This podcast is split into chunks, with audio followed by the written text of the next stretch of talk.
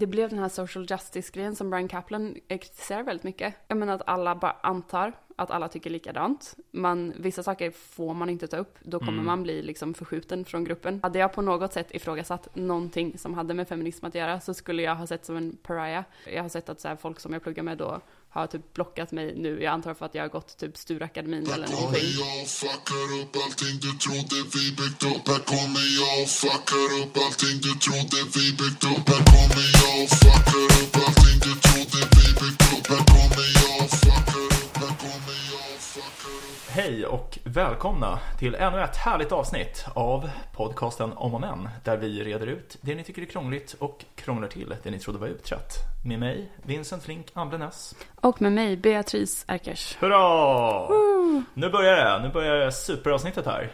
Ja, det, det känns som ett superavsnitt. Det här kommer bli en klassiker vill jag lova. Men eh, first things first. Vad har hänt sen sist Bea? Mm.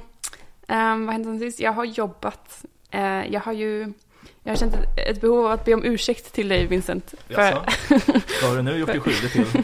Grova Ja. överträdelser? mm, jag känner mig lite hetsig liksom. Jag, jag är inne i en sån här jobb, jobbperiod. Så jag, jag, det, jag misstänker att det kanske kan märkas i poddavsnittet. Jag ska försöka lugna ner mig. Det är bara bra. Mm, Mer mm. hets. Ja, vi kommer hetsa väldigt mycket här. Ehm, Du skickade mig ett avsnittsförslag där du flåsade väldigt mycket. Du hade spelat in liksom ett, ett avsnittsförslag.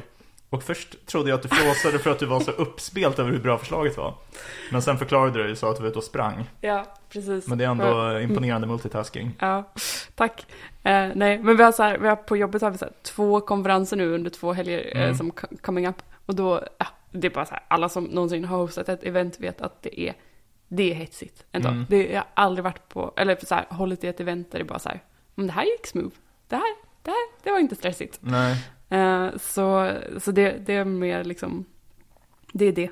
Och så är det så här, eh, när man jobbar inom eh, väl, välgörenhetsvärlden i Mm. USA så är det så här, december är fundraising season, alla har sina tax, eh, skatt, skatt, skattslutet så här vid slutet av året. Ah, ja, ja. Och då kan Mm. de, om de donerar till välgörenhet, få någon så här bra deal på att inte behöva betala så mycket skatt. Ah, ja, det är klart. Ja. Eh. Skatteflyktingar. Så, så det är så här fundraising season, det är events och det är att man ska preppa liksom allting för 2023, så här Mm. budget, program, allt sånt. Ja. Så ja, Du har jag, jobbat på. jag hetsar. Jag Ja. skickar flås, flåsiga meddelanden till det, är- dig. det är bara Ja. bra. Hög energi. Hög energi. Ja. Vad har du gjort sen senast? Jag har läst tidningen. Nej, Eh, Hör och häpna.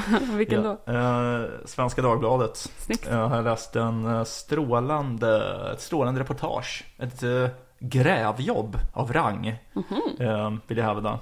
Av Torbjörn Nilsson och Maggie Strömberg. Eh, två politiska journalister som har skrivit en, eh, ett längre reportage om Tidöavtalet. Alltså du vet, Mm. det här, eh, alltså hur de fyra partierna då som är regeringsunderlag, eller ja, eller, och SD då, de tre som är och SD, kom fram till hur, hur man ska bilda regering. Mm. Och eh, det, alltså de har liksom extremt mycket insiderinfo. Det är sjukt eh, juicy. Alltså om ni är det Mm. minsta intresserade av typ så här, det politiska spelet, eh, ja men svensk politik i allmänhet, tycker jag verkligen ni ska läsa eh, det här reportaget som heter Fyra partier, tre dagar, ett slott. Kan du ge lite av skalet då? Eh, nej men alltså det, det handlar mycket om typ hur Moderaterna börjar inse så här SD är omöjliga att styra. De ställer helt orimliga krav och de är fullkomligt rigida. De vill inte förhandla om någonting. De säger bara det här är våra krav, take it or leave it. Mm. Eh, och först vill de så här, Moderaterna föreslår så här, men ska vi inte åka bort på en konferens eller något så kan vi prata om det här mer intensivt så här. Men de bara, varför ska vi göra det? Det här är våra krav, vi har inget att prata om. Mm. Så här. Eh, Men sen liksom stegvis så börjar de mjukna upp och Mm. de märker hur de så här förbrödras liksom. De sitter och äter middag, de dricker vin, det är trevligt så här. eh, När de är på det här slottet och, och eh, ja, men, hur de liksom sluter den här dealen och liksom hur det är ganska Ja, nej men alltså, jag, jag ska inte avslöja för mycket, men man märker att de har liksom, alltså det är många informatörer. Alltså det är en, en alltså, häpnadsväckande detaljrikedom. Det är verkligen så här vad de åt vid varje, varje förhandling liksom. Vad spännande. Jag har, jag har genomgått en eh, personlig förändring senaste tiden. Mm. Som är, eh, gäller skvaller. Ja. Jag har bestämt mig för att tro på skvaller. Ja. För ja. jag, har, jag har alltid bara tänkt så här att, eh, eller min sanna reaktion när Mm. jag hör skvaller är så här, nej men det, är- det är fel.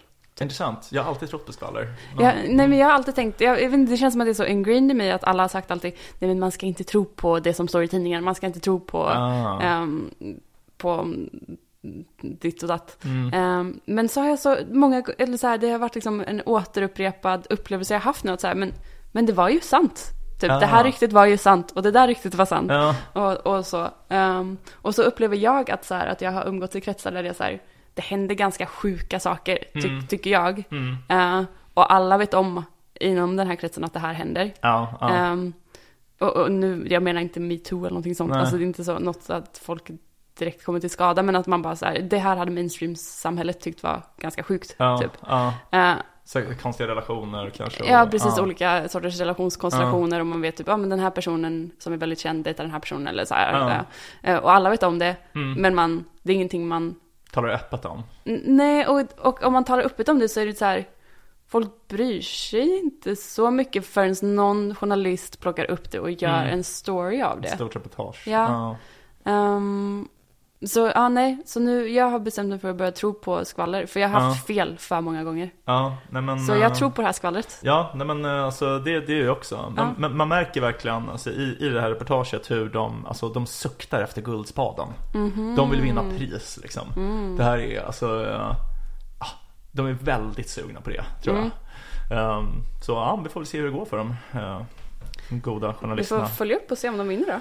Ja, När, när delas det ut? ja, bra fråga. Det vet jag inte. Mm. För jag är inte en tönt. ja, men kan tipsa om, eh, om det reportaget. Mm. Ehm, ja, nej men dagens ämne då? Mm. Ska jag säga, ska jag säga dagens ämne? Ja, reveal. Feminism. Wow. Oh.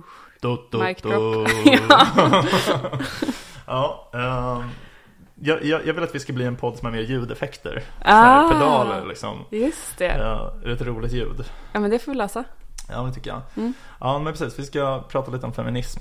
Mm. Um, ett um, hett ämne kanske känns som lite mindre hett numera än vad det var för tio år Absolut sedan. lite mindre hett. Ja, Men det känns fortfarande så här infekterat, ja. typ. Uh, jag lite, um, precis, hela liksom feminazgul-grejen. Det hade jag inte hört. Jag har bara hört om Feminazism. och feminazis har jag Ja. hört talas om, men inte feminatskor. Feminazgul. Det är de här i Sagan om ringen. eh, Drakarna. Eller är det ringvålnaderna som är Nazgul? Det är ringvålnaderna. Ja, okej. Det Mm. de som är det? Mm. Vad heter de här drakarna som är maskar? Ja, de heter Alltså annat. hästarna. Nej, alltså som de rider på. De har ju flygande. Men Så- det är väl hästar? Ja, inte det det? inte, nej, det är inte hästar. Det är någon form av ödla. Mhm. Ödla med vingar, du vet. Som han, uh, uh, häxmästaren av Angmar rider på. Mm. Alltså jag har, Ja. ingen, jag har ingen aning. Eh, jag googlar här nu och det står att det är The Nazgul är liksom the Black Riders. Mm, Eller Dark Riders eller The Nine Riders. Okej, coolt. Mm. Ehm, ja, men uh, hur som helst då. Nazgul aside. Mm. Ehm, vi har läst två böcker faktiskt den här gången. Mm. Om feminism. Ja, det, och det var lite lustigt. Mm. Eh, vi läste då um, Shimananda Ngozi Adichies bok. What she Eh, said. ja. Ja. Eh, Alla borde vara feminister. Som är, jag vet att det är en sån här bok som um, Bonniers tilade ut till så alla som gick i gymnasiet för några år sedan eller någonting sånt. Ah, Ehm, och, den, ja, alla borde vara feminister, handlar om att alla borde vara feminister. Eh, japp, japp. och sen så har vi läst då en av dina favoritpersoners eh, verk. Exakt, ingen bör vara feminist i hans budskap då. Exakt. Ehm, Don't be a feminist, a letter to my daughter. Av Av Brian. Brian. Kaplan. Yes.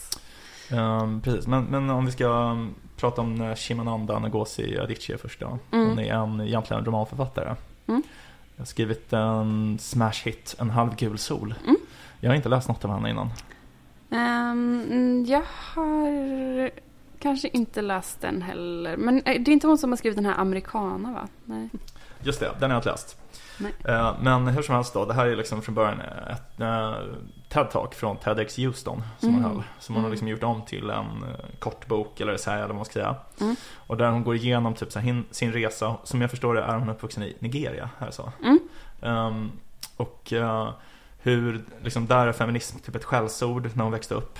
Eh, och eh, hon liksom börjar inse att hon har liksom så feministiska åsikter, att hon menar typ att eh, den förväntan som finns på män och kvinnor skiljer sig i för hög utsträckning eller för stor utsträckning och eh, eh, kvinnor har inte samma rättigheter som män. Mm, sådär och att eh, ja, men hon börjar liksom läsa feministisk litteratur och sådär. Eh, att det är lite som en ögonöppnare. Mm. Och hon menar liksom att alla borde tänka på det här sättet. Alla borde betrakta män och kvinnor på samma sätt. Mm.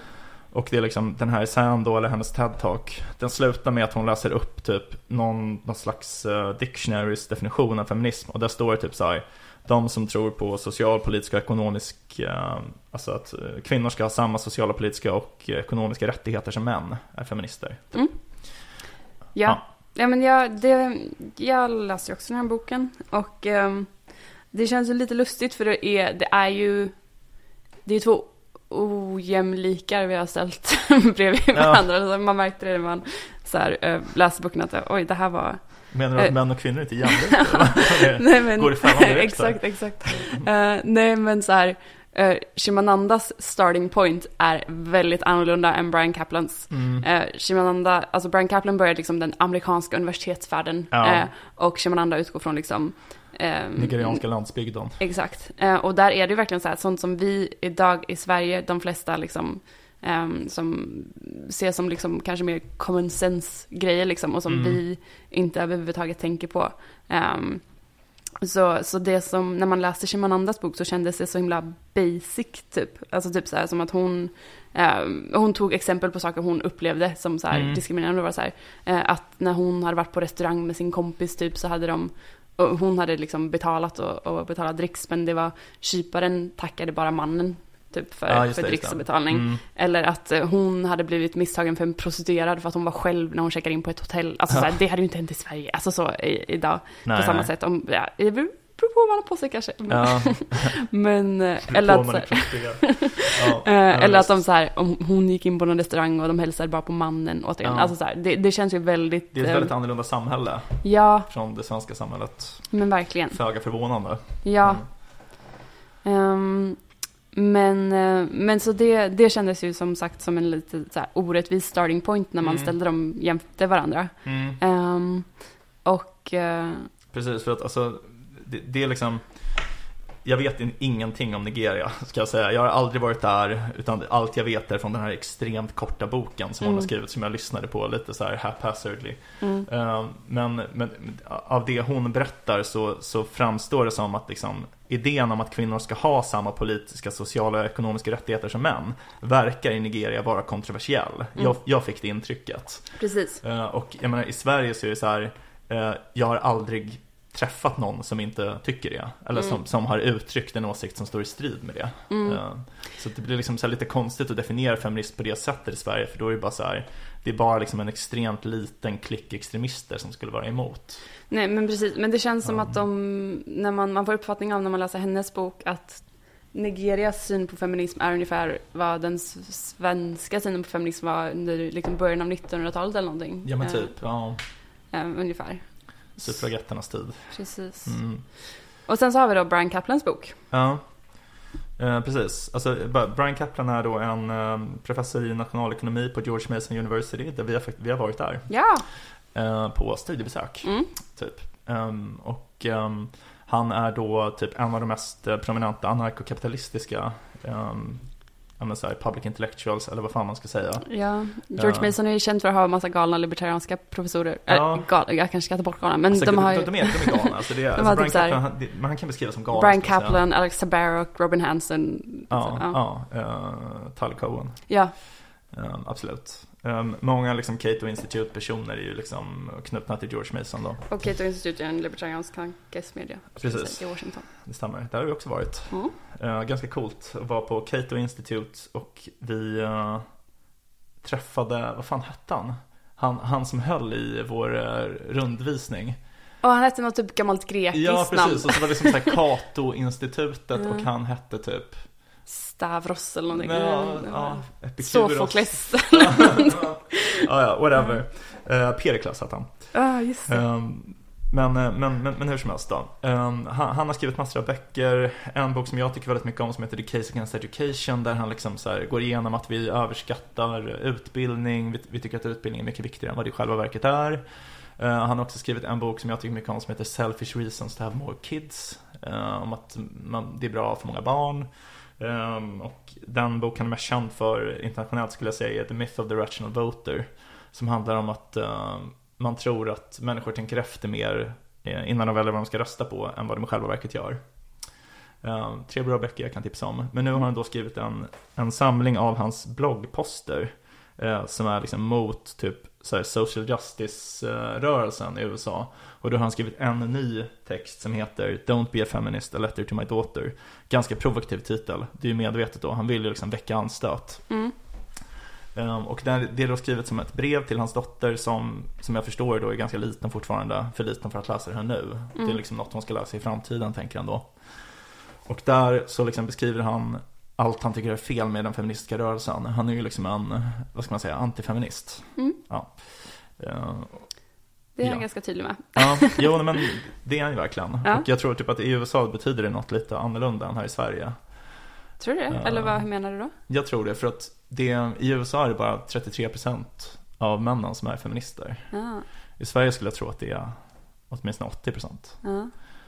Um, Ja, ja. nej men spännande. Nej men i det här brevet då så det jag tyckte var någonting som fastnade när jag läste det var att han så här ställer frågan till sin dotter typ så här, men varför tror du att jag skriver det här till dig? Det finns Mm. ju jättemycket som är väldigt viktigt här Ja. i världen och jag har skrivit ett brev till dig om det här. Mm. Och då säger han att det är för att jag tror att det här är det som du kan ta mest skada av. Mm. Typ. Han menar att det, ja, om eh, hans dotter skulle säga att hon är feminist, ehm, feminist skulle ta stor skada av det. Ja, Ehm, och att hon sannolikt kommer bli det också. Skriver. Ja, Att det precis. typ, de flesta kvinnor i USA blir feminister. Typ. Mm. Det, Men, och det kände jag mig, alltså så här, okej, men ska vi, ska vi, för det, det blev jag faktiskt lite provocerad av. Ehm, eller provocerad, men ja, ja. Vad tyckte du om boken? Ehm, jag, jag tyckte det var intressant. Jag håller inte med om allt, men jag tyckte det var liksom ett intressant sätt att närma sig problemet. Mm. Ehm, så, Mm. ja. Ja, men jag, jag tyckte också att det var intressant. Ehm, jag kan ju inte hjälpa att få reaktionen som är liksom så här, ja, om man är en professor på ett universitet i USA Ja. kanske man kan känna och tänka så här. Nej, jag fattar. Ehm, men det känns... ehm, det känns också som att liksom, ja men som sagt att det blev, det blev så påtagligt när man läser Shimanandas bok versus den här. Och man Ja. bara så här, ja, men stora delar av världen är fortfarande här. För Ja. han, han utgår ju väldigt mycket från så här, um, ja men att, att det är så, en så extremt avancerad Mm. syn på feminism. Så här, ja, men han def, definierar feminism som ehm, the view that men and women should be treated equally.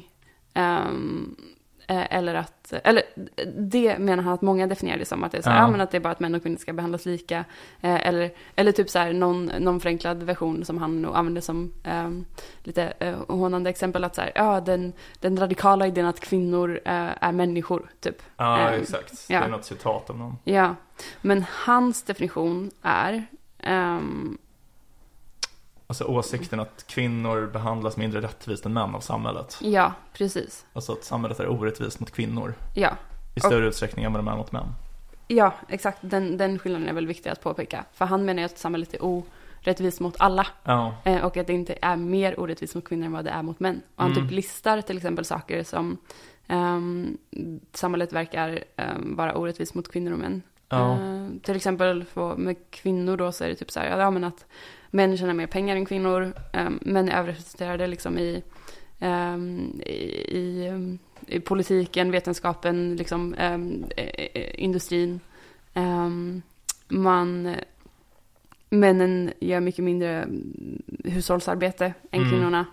Um, män som inte är liksom gifta kanske inte betalar så mycket. Ja, kvinnor Mm. eh, som har fått barn utanför äktenskapet eller utanför relation Mm. eh, kanske får ta ett större ansvar för barnen. Ja. Alltså det är väldigt vanligt utbrett. Ehm, och att kvinnor då ofta är, är offer för sexuellt våld Ja. eh, så- från män. mm.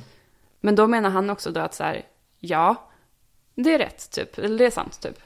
Men här är en lista över hur män Ja. behandlas orättvist av samhället också. Och då är det så här, ja men män är överrepresenterade i liksom ehm, samhällets eh, Mm. låg, eh, lågvatten, eller vad man ska säga. Att det, de gör ofta det liksom smutsigaste arbetena. Ja, Ehm, fängelserna är fulla av män. ja precis. Eh, Exakt. män jobbar generellt sett mer än kvinnor. Ja. Ehm, att män ehm, missgynnas i lite på, på samma spår som vi pratade om innan. Att om det, om det är en um, rättslig tvist om vem som ska få vårdnad om barnen så Ja. tenderar eh, kvinnor att få det. Mm. Liksom. Män har mycket högre sannolikhet att drabbas för liksom, våldsbrott. Mm. Ehm, och män är mycket mer eh, sannolikt att de dör eh, i krig eller något sånt. Liksom. Mm. Ehm, och, och han menar att ehm, det här med objekt, en annan grej som man brukar prata om är typ att män ob- objektifierar kvinnor. De ser Ja. dem som sexobjekt. Eh, och då menar han att kvinnor objektifierar män som success objects. Det tyckte Mm. jag var lite, det tyckte jag var lite kul. Eller så här, det var, Väldigt kaplanskt. ja, ehm, ja, att man, eh, ja, det, det tyck- tyckte jag var ett användbart koncept ändå. För det tror jag absolut är sant liksom. Eh, att eh, män som tjänar mer pengar eller som eh, har en probabilitet för att tjäna Mm. mycket mer pengar har lättare att få, Ja. få kvinnor. Jo, uh, nej men absolut. Alltså jag, tyck, jag tyckte typ just det här med objektifieringen, men jag har alltid tyckt att det är lite konstigt. Mm. Typ att det.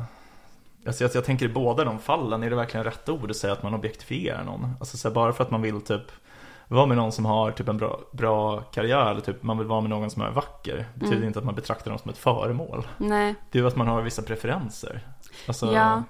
Men där är det också så här, alltså så här, det är klart att för om man ställer de två bredvid varandra ja. Då, då känns det ju i mig, Mm. och det kanske är för att jag är så ingrained i liksom den feminism som vi har vuxit upp med. Men det Mm. känns ju som så här, ja man kan påverka sitt utseende väldigt mycket.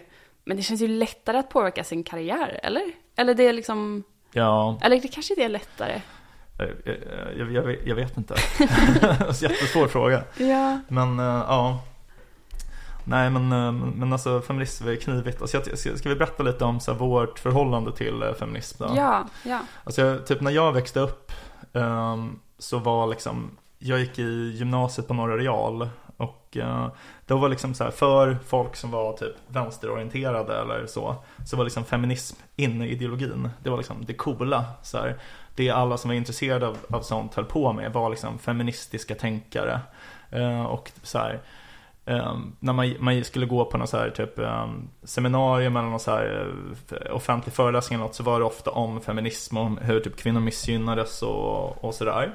Så jag blev liksom väldigt intresserad av det.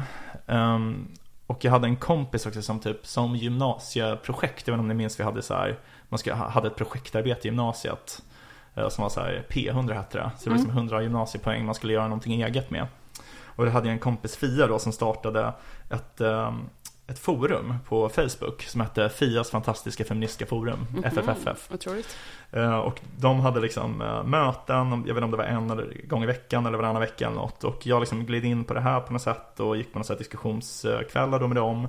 Och det slutade med att jag faktiskt blev administratör för det här forumet Mhm. tillsammans med eh, massor av tjejer. Så jag var lite deras Mhm. manliga alibi då. Det visste jag inte. Deras Y-kromosom. Kul. Ehm, men ehm, ja, så här, och det var liksom, jag tyckte det var väldigt intressant, så här, man lärde sig mycket. Men jag, jag kände mig alltid ganska utanför. För att det var liksom så här, de, delar av den feministiska rörelsen då, jag vet inte hur det är nu. Och det här berodde säkert på att typ alla var barn. För det, det var man ju, man tänkte ju inte det då. Men, men alla var ju verkligen barn. Alla Mm. var liksom så här 16-17 typ. Mm. Ja, men delar av det gick ut mycket på att håna män. Mm. Att typ så här, jag ty- tycker att det var töntigt att vara man. Och liksom, ehm, Mm. det var det här till exempel um, vita kränkta män om ni minns. Ja. Det var typ så här ehm, en jättestor liksom hubb för feminister då.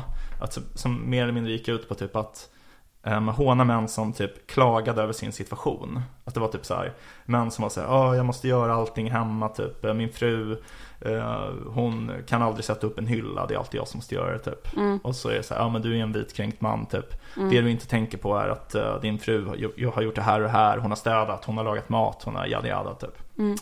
Um, så det fick mig typ att känna mig lite alienerad på vissa sätt. Men att jag ändå kände det som någon form av hemvist i den där ideologin. Mm. Men det förstår jag. Um, så det var väl så det började typ. Sen har jag liksom lite glidit ifrån det där. Men um, ja, Mm. du då? Ehm, Nej men jag, jag kommer ihåg väl, alltså så typ första gången jag hörde talas om konceptet ens, och det var på högstadiet. Och att jag kommer ihåg att det var en lärare som så här, som sa typ det vi sa där med Shimano, typ att Mm. ja men alla är feminister om man tror att eh, män och kvinnor är lika mycket värda. Typ. Mm. Ehm, och då tänkte jag, ah, okej, jag är feminist, typ. Rimligt. Så ja, Eh, och sen så har det väl varit lite bara ett, så ett grundantagande ehm, som har följt med under min uppväxt. Det var absolut inte sådär som det låter att ni hade det. Ni, ni var nog mer samhällsorienterade överlag, tänker jag på Norra Real, kanske än vad, än vad vi var på min landsbygdsskola. Eh, det, jag känner inte riktigt igen det. Ehm, men ehm, men det har absolut alltid så här följt med mig. Sen så har jag ju ehm, känt mig, eh, vad ska man säga, jag kände ju, jag pluggade, jag började plugga humaniora på Uppsala universitet. Mm. Och då upplevde jag att det, jag tyckte det var jobbigt typ, för att där var det så, det var bara tjejer som Mm. pluggade på den här linjen jag pluggade på då. Ehm, och ehm, det var, en, det blev en sån där eh, väldigt um, ekokammarstämning. Mm. En väldigt stark ekokammarstämning där alla var så här. Det blev den här social justice-grejen som Brian Kaplan eh, kritiserar väldigt mycket. Mm. Eh, som är liksom att, eh, jag menar att alla bara antar att alla tycker likadant. Man, vissa saker får man inte ta upp, då kommer Mm. man bli liksom förskjuten från gruppen. Mm. Hade jag på något sätt ifrågasatt någonting som hade med feminism att göra så skulle jag ha sett som en pariah. Jag tror, jag tror, jag tror, jag har sett att så folk som jag pluggar med då har typ blockat mig nu. Jag antar för att jag har gått typ Sturakademin eller någonting. Oj. Eh, ja. Eh, eller att jag jobbade på Fri Tanke, vet jag, för de gav ju ut den här boken eh, av Ivar Arpi och Anna-Karin just Windham. det, ja. genusdoktrinen. Precis. Ja. Så det var, jag upplevde verkligen det som typ obehagligt när det blir, Mm. ja, det är ju obehagligt när det blir för Mm. likriktat inom, ehm, Ja men det, det tenderar ju att bli det, sådana rörelser. Absolut. ja, och att det, det inte är de bästa idéerna som vinner då, utan det är verkligen Mm. bara så här, um, facit-idéerna. Eh, och att jag, jag tänker på något Oscar Wilde-citat liksom som är så här, ja men the place of the university eller så här, ska vara, eh, man ska ha the Oxford manner, eller vad det är, Ah. att så här, och det är att så här, leka med idéer. Och det Ja, var det jag upplevde att ja. jag får inte ens leka med idéer när det är så här, det här är det du ska tänka. typ. Eh, Så, så det känner jag mig väldigt provocerad av. Så det är väl det som jag ehm, uppskattar i Mm. Kaplans bok. Att så här, jag håller med om att jag inte tror att det är bra. Och jag Mm. håller med om att jag tror att det finns en sån miljö på många universitet i världen. Sen Ja. tror jag inte att det är lika utbrett som Kaplan verkar känna. Nej, alltså precis. Men precis, alltså när man träffar feminister nu så känns det ju inte alls så. Men, jag tycker ändå det verkligen kändes så för tio år sedan, typ på Mm. gymnasiet. Mm. För det, det, jag, jag kommer ihåg en sak som jag har tänkt mycket på på sistone med den tiden var att det som hade väldigt hög status på den tiden, det var att vägra redogöra för sina tankegångar. Att säga typ så här, jag ska inte behöva sitta här och förklara för dig, du kan läsa på själv. Så här, utan bara liksom Mm. tvinga människor att acceptera ens åsikter utan att erbjuda argumentation. Mm. Det, och det, det är så himla konstigt liksom. Så skulle Men- man ju aldrig resonera i något annat sammanhang så att... Men det är det jag upplever med när vissa rörelser blir tillräckligt breda, typ Ja. feminism eller klimatgrej, Mm. nu, eh, att det är, alla bara tänker så för att alla andra tänker så. Ja. Eh, och att man inte har, man har inte datan själv, man bara har förstått att det här är det du ska tänka. Ja, Annars kommer du bli förskjuten från gruppen. ja. jag alltså, för det var också, det fanns liksom vissa husgudar som till exempel Judith Butler, som Ja. är liksom lite så här grundat queer-teori, eller liksom varit en av de framträdande liksom förgrundsgestalterna inom queer-teorin. Och då läste jag en bok som hette, jag tror den hette Gender Troubles. Mm. Och den läste jag när jag var 19. Och alltså jag förstod ju ingenting. Den, var- den var helt obegriplig. Jag, Mm. jag fattade liksom nästan ingenting. Mm. Och sen har jag läst om den senare när- jag läste filosofi men, och då fattade jag kanske lite mer. Men, men det är någonting så konstigt med att, ska, så här, att det satt så många så här 16-17-åringar och pratade om typ queer-teori, Judith Butler, som om allting var helt självklart. Men när man bad om en argumentation så fick man ingen. Mm. Och alltså, så här, mot bakgrund av att jag försökte läsa den sen när jag var typ 19, jag var kanske bara att ingen förstod det egentligen. Liksom.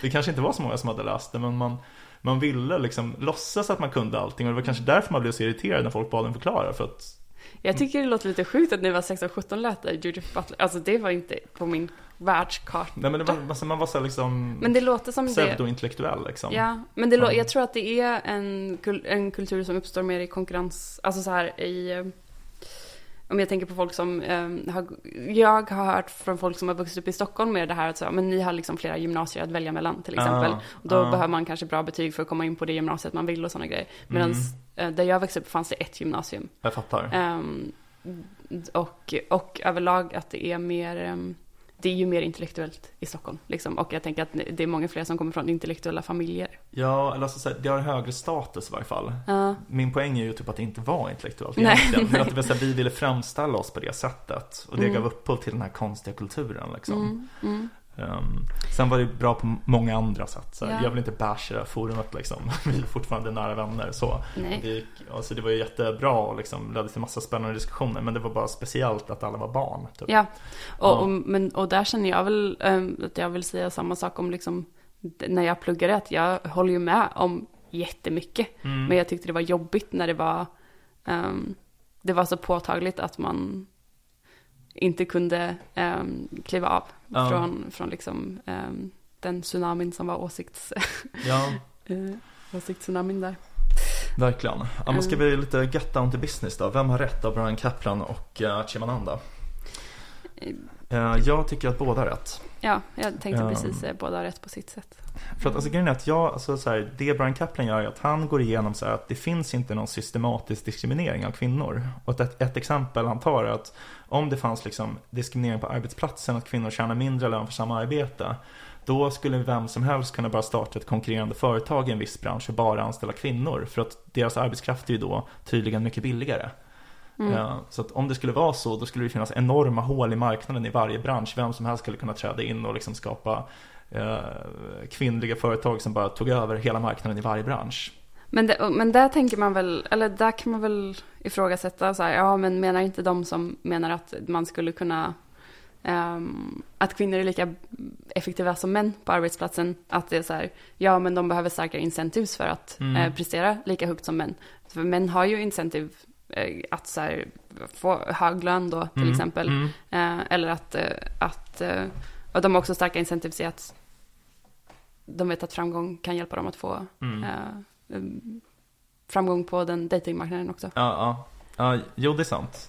Eh, men, jag- men jag menar bara att så här, jag, jag tror inte att det är det största problemet, att det liksom finns direkt diskriminering på det sättet. Nej, Alltså så här, det är möjligt att det finns någon så här liten tillstymmelse av det, men jag tror att det är ett förhållandevis litet problem. mm. Där, där tror jag mer att, typ så här, Va? Nej, Eh. nej, men han tar ju upp eh, exemplet att så här, ja men det är väl inte så konstigt att du anställer din mm, bekant som Mm. du vet är duktig på det här. mm, Jag märker det, jag, när jag anställer folk nu, mm, jag um, lutar mycket mer åt att anställa kvinnor generellt mhm. än män. Ja, intressant. Eh, Ja. Det kanske beror på rollen också, men, men jag märker att så här, för mig är det viktigt, det är väl också för att jag jobbar i en liten organisation och vet Mm, att jag kommer jobba mm. väldigt nära. Men jag upplever att eh, när jag jobbar med kvinnor så är det lättare att de bara är, de vill vara duktigare. Ja. Så det är lättare för mig att så säga gör det här och så brukar de göra det. Medan Ja. när de män jag arbetar med, eh, Mm. eller har arbetat med, har jag upplevt, ehm, Slappa. ja men de lyssnar inte på mig på samma sätt kanske. Ja, jag Eh. Mm. Fast nu det, det kanske jag drar feministkortet där, eller något så här. jag vet inte. Jag, vet, jag har inte träffat dem. Eh, Mm. Men jag- upplever att de faktiskt är, eller de vill göra det de vill göra, Mm, typ. mm. Medan så här, men det är kanske inte det som behöver göras nu, Nej, känner jag. ja, okej. Ja, det låter ju som en dålig inställning när man är arbetstagare. Mm, Men, men som sagt, sen tror jag också som, det var anledningen till att jag tog upp det var med bara att det, är en naturlig mekanism i sig. Jag tror Mm. också att jag bara, eh, det är högre sannolikhet för mig att jag trivs eh, i Mm. en kvinnas närvaro Ja. eh, som liksom eh, nära kollega än en man. Ja, men rimligt. Rimligt. Som jag tänker är samma för män då. Men, jag- men jag, jag tänker så här, om det är hela din bransch då, beroende på lite hur man ska definiera det, men säg att, säg att alla företag som gör ungefär samma sak som ni, alla var så, att alla bara vill anställa kvinnor typ. Det skulle betyda då att det fanns liksom en eh, talangreserv av män som kunde jobbet ungefär lika bra men som blev diskriminerade av hela branschen. Mm. Då skulle man ju kunna etablera en konkurrent som bara anställer de här männen till lägre lön. Och då skulle man ju kunna konkurrera ut många företag i branschen. För att det är så här, ja, men vi har hittat den här reserven liksom. Mm. Ja, Alltså, jag tycker ändå typ hans argumentation är ganska bra. Liksom, att Ja, det här borde, det här är ett sånt problem, så ganska typiskt för den typen av problem som borde kunna lösas av marknaden. Liksom. ja, men jag tror ju inte helt på det bara, Nej. helt enkelt. Nej men inte helt och hållet, men ändå så i stor Eh, utsträckning liksom. Mm, nej men alltså det är, ett, det är ett bra argument. Men jag, ja. Det är inte så, alltså för det, det är inte, för jag menar det bygger ju på att alla har perfekt information om vilka som kan vad och så här. Det har man ju såklart inte. Ja. Men det är ändå liksom, man, börjar, man närmar sig det, en lösning i varje Mm. fall. Mm. Eh, Så. Men, men jag tror typ inte att det är det som är typ den bästa anledningen till att vara feminist. Utan mer- det här som typ uh, Shimananda Ngozi Adichie pratar om då. Typ att ja, men så här, kypare bara tilltalar mannen typ. Och, Mm. alltså, så här, det är ju inte så i Sverige men det finns ju versioner av det. Alltså, Mm. det, det är ju liksom eh, Jag tror typ att eh, om en manlig kypare eh, det här blir så himla spekulativt. Men säg att jag och min, min flickvän sitter och ska äta middag. Mm. Om en manlig kypare kommer och bara pratar med mig. Mm. Då är det inte så konstigt. Mm. Men om det kommer en manlig kypare och bara pratar med henne och inte ens säger någonting till mig. Då är det lite som en kränkning av mig. Mm. Alltså förstår du vad jag menar? Det är ju liksom lite som en hederskränkning av mig. Så här, Mhm. Jaha, du pratar bara med min tjej men du hälsar inte ens på mig. Mm. Det är lite så här, varför Men- pratar du med min tjej på det sättet? Menar du att det inte skulle vara samma om det var tvärtom? Eller jag förstår inte. Inte lika mycket tror jag. Nej, okej. Ja. Så, Ja, men- så om en kvinna kom, om det var en kvinnlig kypare Mm. som kom och bara pratade med min pojkvän. Mm. Ja, kanske det, det är väl kanske för Ja. att jag tänker mig att det är en man i det här fallet. Ja. Men jag tror bara att det är typ, eh, jag tror att det är mer, eh, eh, vad ska man säga, alltså jag, jag, jag tror det är mer så att man ser, man ser det som en hederskränkning på ett större sätt när det är liksom att man på något sätt ignorerar en man eller man ignorerar en Mm. kvinna. Mm. Det- Ja, nej men ja, ja, okej. Jag förstår Alltså lite det, mer. men det, är ja. så, här- det är så saker som är svåra att, alltså de är liksom lite mer fluffiga och har att göra med liksom så djupt eh, invanda kulturella sedvänjor snarare än liksom faktisk ekonomisk diskriminering, diskriminerande lagstiftning, sådana saker. Men det är ju, Så. Det känns ju som att det är lite det som, som vi var inne på, att så här med success ehm, objectification eller vad man ska säga, Ja. att eh, det finns ehm, en större press på en man som går in i ett rum att han ska ta upp plats i det rummet eller Ja, eh, märkas av, medan en kvinna inte alls eh, utvärderas på de premisserna på samma sätt, utan mm. i den mån hon tar plats så kanske det är utse, alltså att så här, du behöver inte prata så mycket, men Mm. du ska vara söt kanske, Mm. helst. Ja. Mm. Ja, precis. Nej, men också till exempel att man, alltså en man med en tonårsdotter, Mm. eh, att man kanske liksom eh, ogillar när hon dejtar killar. Mm. Men en eh, kvinna med en tonårsson inte i samma utsträckning ogillar när han dejtar tjejer. Mm. Eller åtminstone inte på ett lika självklart sätt kan uttrycka det eller sådär. Alltså Men- samtidigt är det ju tabu. Det är ju Ja. samtidigt tabu för en, en man att uttrycka det. Men, menar, Ja. det är ändå någonting som finns närvarande i vår kultur. Ja, Så även om alla inte vågar säga det. Men jag har tänkt så hypotetiskt också kring om jag skulle ha barn i framtiden, så, Mm. så, och då kommer jag på mig själv med att ha den reaktionen. Mm.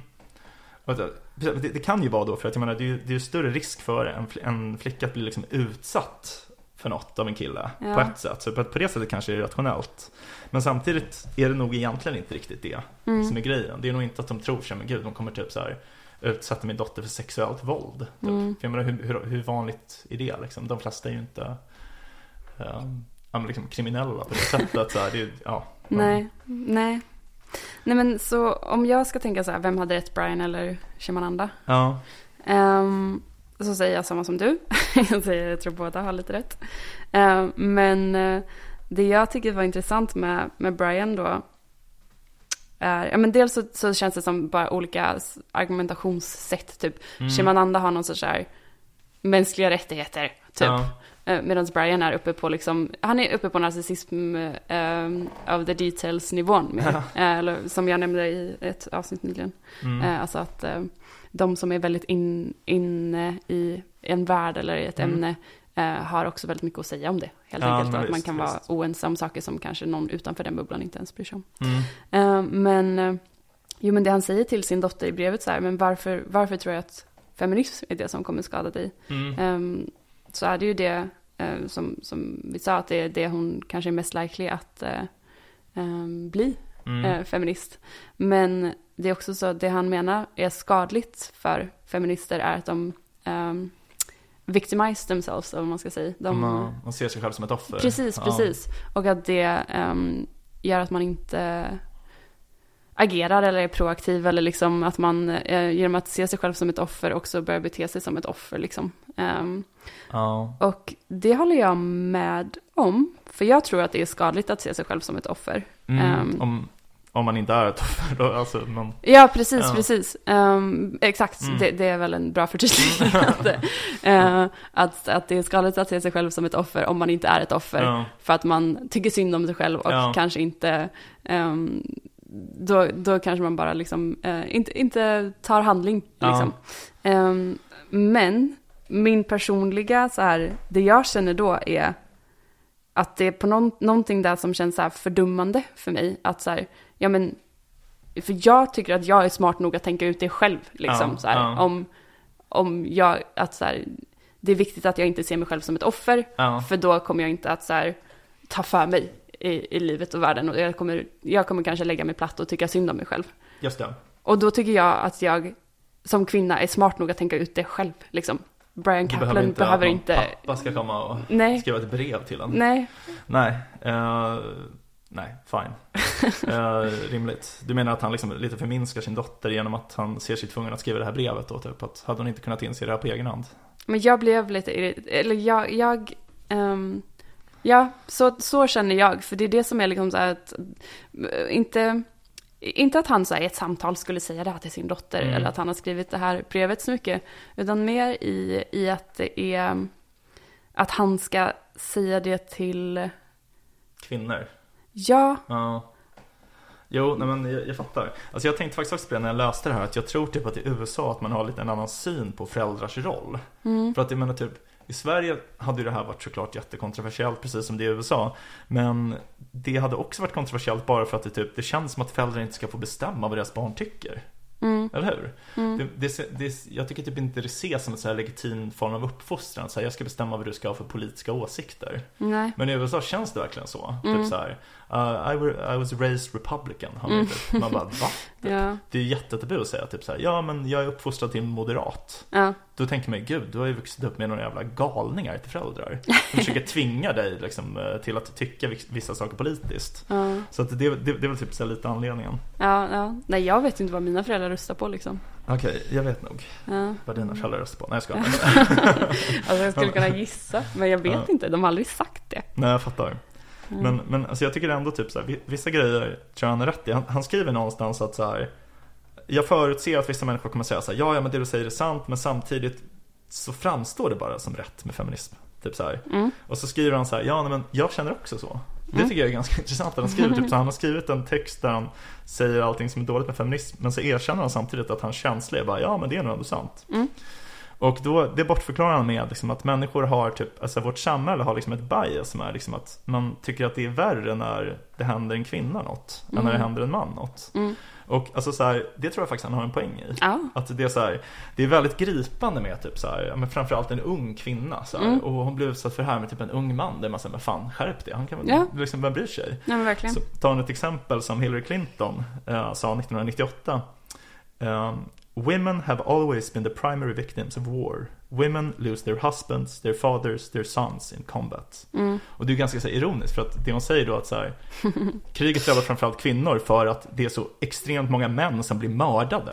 Alltså det, det, det, är liksom, då- har man verkligen så här backward sätt att se på, Ja. på moral. Liksom. Det, det är uppenbart att krig är mycket värre för män än vad det är för kvinnor. Ja, Ja, nej men det, ja, den, den är så sjuk det, ja. Ja, så, så jag, jag tror ändå han har en poäng i att det finns ett sånt bias. Åtminstone när man sitter och pratar och sådär. Ja, Alltså, till exempel, vad heter han? Ruben Östlund som är Mm. aktuell nu med den här kulturministergrejen. Mm. Um, så en, vår kulturminister som då trodde att han var romanförfattare, men hur som helst, en um, regissör. Han har gjort en film som heter, uh, vad fan heter den? turist. Turist, precis. Mm. Uh, Force majeure på, på engelska. Mm. Um, eh, och eh, där liksom är det en man då som överger sin familj när det är en, en lavin. Mm. Eh, och eh, Ruben Östlund berättar i en, en eh, intervju som jag såg i samband med att den här filmen släpptes att han har läst på böcker om vad som händer vid skeppsbrott och sådär. Mm. För att då finns det ju en regel som är liksom så här, kvinnor och barn först. Mm. De ska först till livbåtarna och sen bara i mån av plats ska män få rädda sig. Så att männen ska liksom sätta livet till för att rädda kvinnorna och barnen. Mm. Men det som i själva verket sker är att eh, de som räddas är framförallt män. Så Mm. att kvinnor och barn Mhm. dör i mycket större utsträckning. Är det så? Och anledningen är ju att de inte är riktigt starka. Människor slåss ju för sitt liv. Ah. Så att det här är liksom bara ett utanpåverk.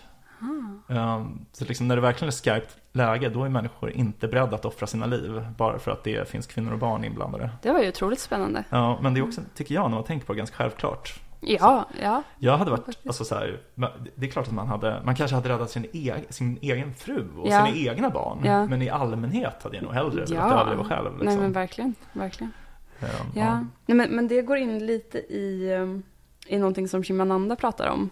Som är det här med att, eh, och som känns som en återkommande trop som jag ofta känner mig ganska kluven till. Men det här med att så här, ja men um, män måste prata mer om sina känslor. Ja. Typ. Eller så här, ehm, att är, hon säger typ att det undertrycker mäns mänsklighet när man uppmuntrar till manlighetsnormen. Typ.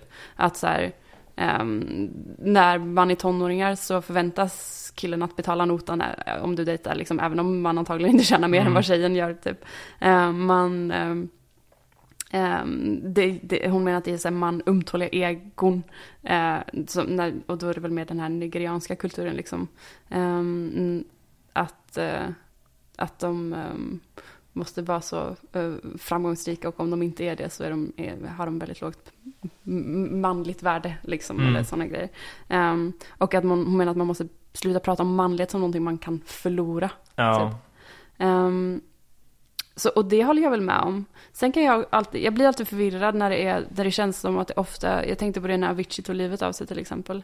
Att det var alltid, då var det så himla mycket typ, män måste prata om sina känslor. Men jag har svårt att se det som så här, är det verkligen förklaringen till allt typ? Alltså jag förstår att det Mm. kan vara en del i det. Mm. Men det känns som att det är mycket mer, eller? Ja, ja, jag håller med. Jag, jag, jag tror också att det är överdrivet. Ja. Det känns inte som att män har så här jättesvårt att prata om sina känslor. Inte i. Sverige nu liksom. Nej, alltså kanske lite svårare än kvinnor. Ja, Men, alltså jag tror ja. absolut att det, de är lite, in, inte gör det i samma utsträckning. Mm. Och jag tror absolut att det finns kulturer där det är extremt så fortfarande. Mm. Och jag tänker på det, vi har ju nämnt ett exempel innan om um, det här med då nämnde vi i relation till att um, eh, man började sätta lås på gift um, eh, pesticides i, i fattiga länder. För Just att det. det var väldigt många män, alltså det är ju män som tar livet av sig Mm. liksom, i, i större utsträckning.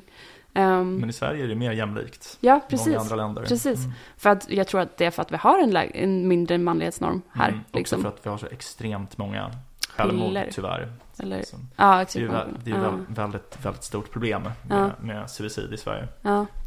Ehm, men, eh, ja, men att, det, och att det då är för att de, de har ansvaret att försörja sin familj Mm. på ett helt annat sätt än vad liksom i Sverige så ehm, Ja. finns ju inte den normen på samma sätt. Och det, det är väl liksom så här det eh, socialdemokratiska samhället som har bidragit till det, tänker jag, eftersom man har mer, eh, som vi har pratat om det här, eh, ehm, vad heter han, Lars Trädgård, liksom, Mm. att eh, Sverige är världens mest individualistiska land för att vi klarar Mm. oss utan vår familj, vi klarar oss för att vi får liksom så här, vi kan Mm. ha råd att studera även om vi inte kommer från en familj som har råd Statsindividualism. precis, precis. Den boken borde vi läsa. Jag Ja. har aldrig läst. Det borde vi verkligen. Det Ja. skulle vara kul. Men, men någonting som jag tycker var intressant då med, med Kaplan, för jag tycker att han har verkligen, verkligen bra poänger. Mm. Eh, Och jag tror ju också, som han säger, jag tror att det är skadligt att känna sig som ett offer när man inte är ett offer. Mm. Ehm, och att hela tiden ta den rollen och skylla bort saker och inte ta ansvar för saker, typ. Jag fattar. Ehm, och att det, är, det går in mycket i hela social justice-rörelsen som jag Mm. känner mig eh, ganska kluven inför också. Mm. Ehm, sen så var det ju så här svårt, för, för okej, om jag säger så här, min grund takeaway eller känsla från eh, när jag läste Shimananda och Brians bok så var det så här, ja, jag håller med om att det här, det är inte jättebra att eh, ehm, man den, kanske överdriver vissa saker inom feminismrörelsen. Mm. Men är inte alla de liksom miljoner människor som lever i samhällen Mm. som fortfarande är extremt ofeministiska viktigare att fokusera på än liksom att han som professor känner sig obekväm när han går in i ett rum. För det, han, det beskrev han till exempel som ett exempel att han har aldrig känt sig ovälkommen som i ett rum där de pratar om feminism eller någonting. Ah, Okej. Ehm, och då, för då, det, så det dels känns för mig som att, Mm. mm, mm, men det är fortfarande så här globalt sett, Vanligt. Ja, med liksom verkligen. explicit förtryck Precis. av kvinnor. Då. Och ja. för han kritiserar ehm, den, att han upplever att det är många som, eh, och det här har jag gjort mig skyldig till och jag kommer fortsätta göra mig skyldig till det, eh, att man säger att man är, ja, eh, nej men det är ju inte superbra med feminism och allt det, men jag är rätt sorts feminist. Ja, just typ. det. Jag är, Mm. jag är liksom lagom, jag är, Ja, Eh. mig kan du lita på. Ja, exakt. Och han menar att det är jätteskadigt också. Mm. Liksom. Men för mig så, jag känner att det är nog där jag kommer fortsätta Mm. eh, att vara. För jag kommer inte, han menar att man helt, eh, helt ska sluta säga att man är feminist helt Mm. enkelt. Men jag kommer nog fortsätta kalla mig Mm. feminist. Eller om någon skulle fråga är du feminist? Mm. Så kommer jag säga ja det är jag. Ehm, Jag fattar. Ja, men det, det känns mer som att han, han har någon slags taktik för hur man ska påverka politiken. mm, Jag tänker att det inte är typ egentligen det viktiga vad man kallar det, utan mer liksom, eh, ja, vad man tycker, liksom, hur man uppfattar världen. Mm. Men det känns ju som ett väldigt viktigt signaleringsvärde Ja. värde att, att eh, säga att man är feminist. Mm. Då tänker jag, ehm, i den mån det har, liksom, vilket jag tror att det har, en, en möjlighet att påverka globalt. Liksom. Jo, jo nej, men visst. Mm. Absolut, så är det. Ja, nej men det, mm, jag tyckte det, den var intressant men det var liksom något, det känns som man missar något som kanske har att göra med mer det här status och liksom förväntningar och Ja, men den var, den var bra som, som argumentbok, Mm. eller argumentationsbok, men att jag stör mig på att han har lämnat ut det så mycket bara. Mm. Men, jag- men jag tycker att det var en bra argumentationsbok, men det, det är ju sådana böcker man får ta med en nypa salt också tänker jag. Ja, Lite som man får ta typ Upplysning nu av Steven Pinker med en nypa salt, för att det han gör är bara i alla kapitel att argumentera för att ja. världen har blivit bättre. Och den kanske inte har blivit bättre på alla sätt. Nej, Men det är hans eh, case liksom. ja. Eh, precis, nej men eh, det, det man kan säga är ändå så att det var intressant att ha liksom en mer så här rationalistisk eller liksom rationell eh, redogörelse för de här problemen. Det, det brukar vara mer så här känslostyrt, hans personliga berättelse typ. Ehm, om man vill läsa något som är typ så lite samma stuk fast som företräder den motsatta åsikten, alltså en feminist som liksom resonerar på det här sättet. Det finns säkert hur många som helst. Men ett tips är en, eh, bok som heter Down Girl, Mm. Kate Mann. Finns på svenska, utgiven av Fri Tanke. Är det sant? Duktig flicka. Ja. Aha. Eh, det visste jag inte. Jo. Men uh, okej, den är väldigt bra. Mm. Eh, vad- roligt. Jag visste inte att den var liksom överhuvudtaget uppmärksammad i Sverige. Jo. Men, när kom den ut? Är det länge sedan? Nej, det var när jag jobbade där 20, 2020 kanske. Okej, ja men sådär. Ja men eh, det är en eh, bok som är väl värd att uppmärksammas Mm. också i Sverige. Mm. Eh, ja, alltså feminism. Vilket ämne va? Mm. Mm. Skulle du kalla dig feminist idag då? Om någon frågade, är du feminist? Ehm, ja, alltså jag skulle svara ja om någon frågar mig. ja. Men jag skulle aldrig eh, beskriva mig själv så. Nej. Om någon var typ såhär, beskriv dina politiska åsikter. Så skulle jag aldrig säga, jag är feminist. Nej, det skulle inte jag heller göra. För då tänker jag att folk tror typ att man är för massa saker som jag inte alls är för. Precis. Så kvotering i bolagsstyrelser och sånt där. Mm. Så att, eh, jag tror att det skulle vara lite missvisande. Mm. Men eh, Men jag håller med. jag är nog snarare feminist än liksom anti-feminist. Ja. Ja. Nej, men, eh, men det var spännande. Har du någonting att tillägga? Um, egentligen inte. Jag önskar att vi hade något mer kontroversiellt att säga. Det känns som att vi verkligen har hållit oss på mattan det här avsnittet. Ja, men, Men, lite eh, kontroversiella kanske. Ja, men kanske. Alltså det, jag, jag tycker ändå båda, båda böcker är ganska intressanta. Och, Ja, överlag måste jag säga att jag, jag, är, jag är förvirrad över hela woke-grejen. Det känns som någonting jag borde så här landa i eller, något, eller så här borde tänka igenom. För det, är väldigt mycket argument i boken kring ja. woke-kultur generellt. mm, Eh, och inte bara feminism då.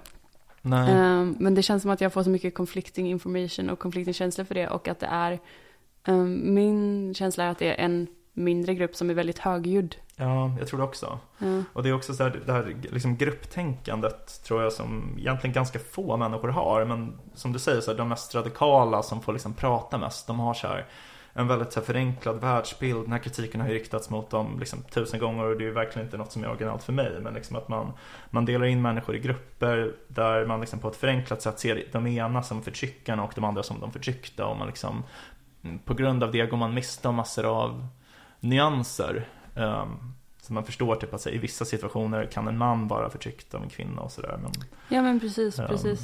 så, Ja. det är väl lite det han vänder sig mot kan man säga. Ja, nej men eh, verkligen.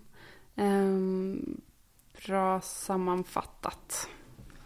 Ja, tackar.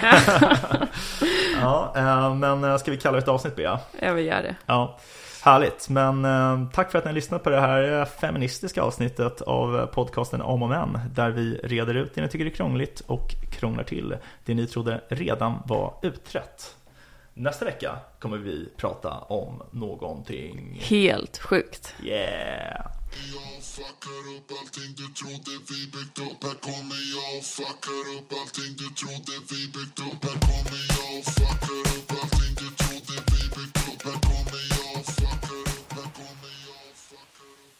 Du har lyssnat på ett avsnitt av podcasten Om och Män med Beatrice Erkers och med mig, Vincent Flink Amblenäs.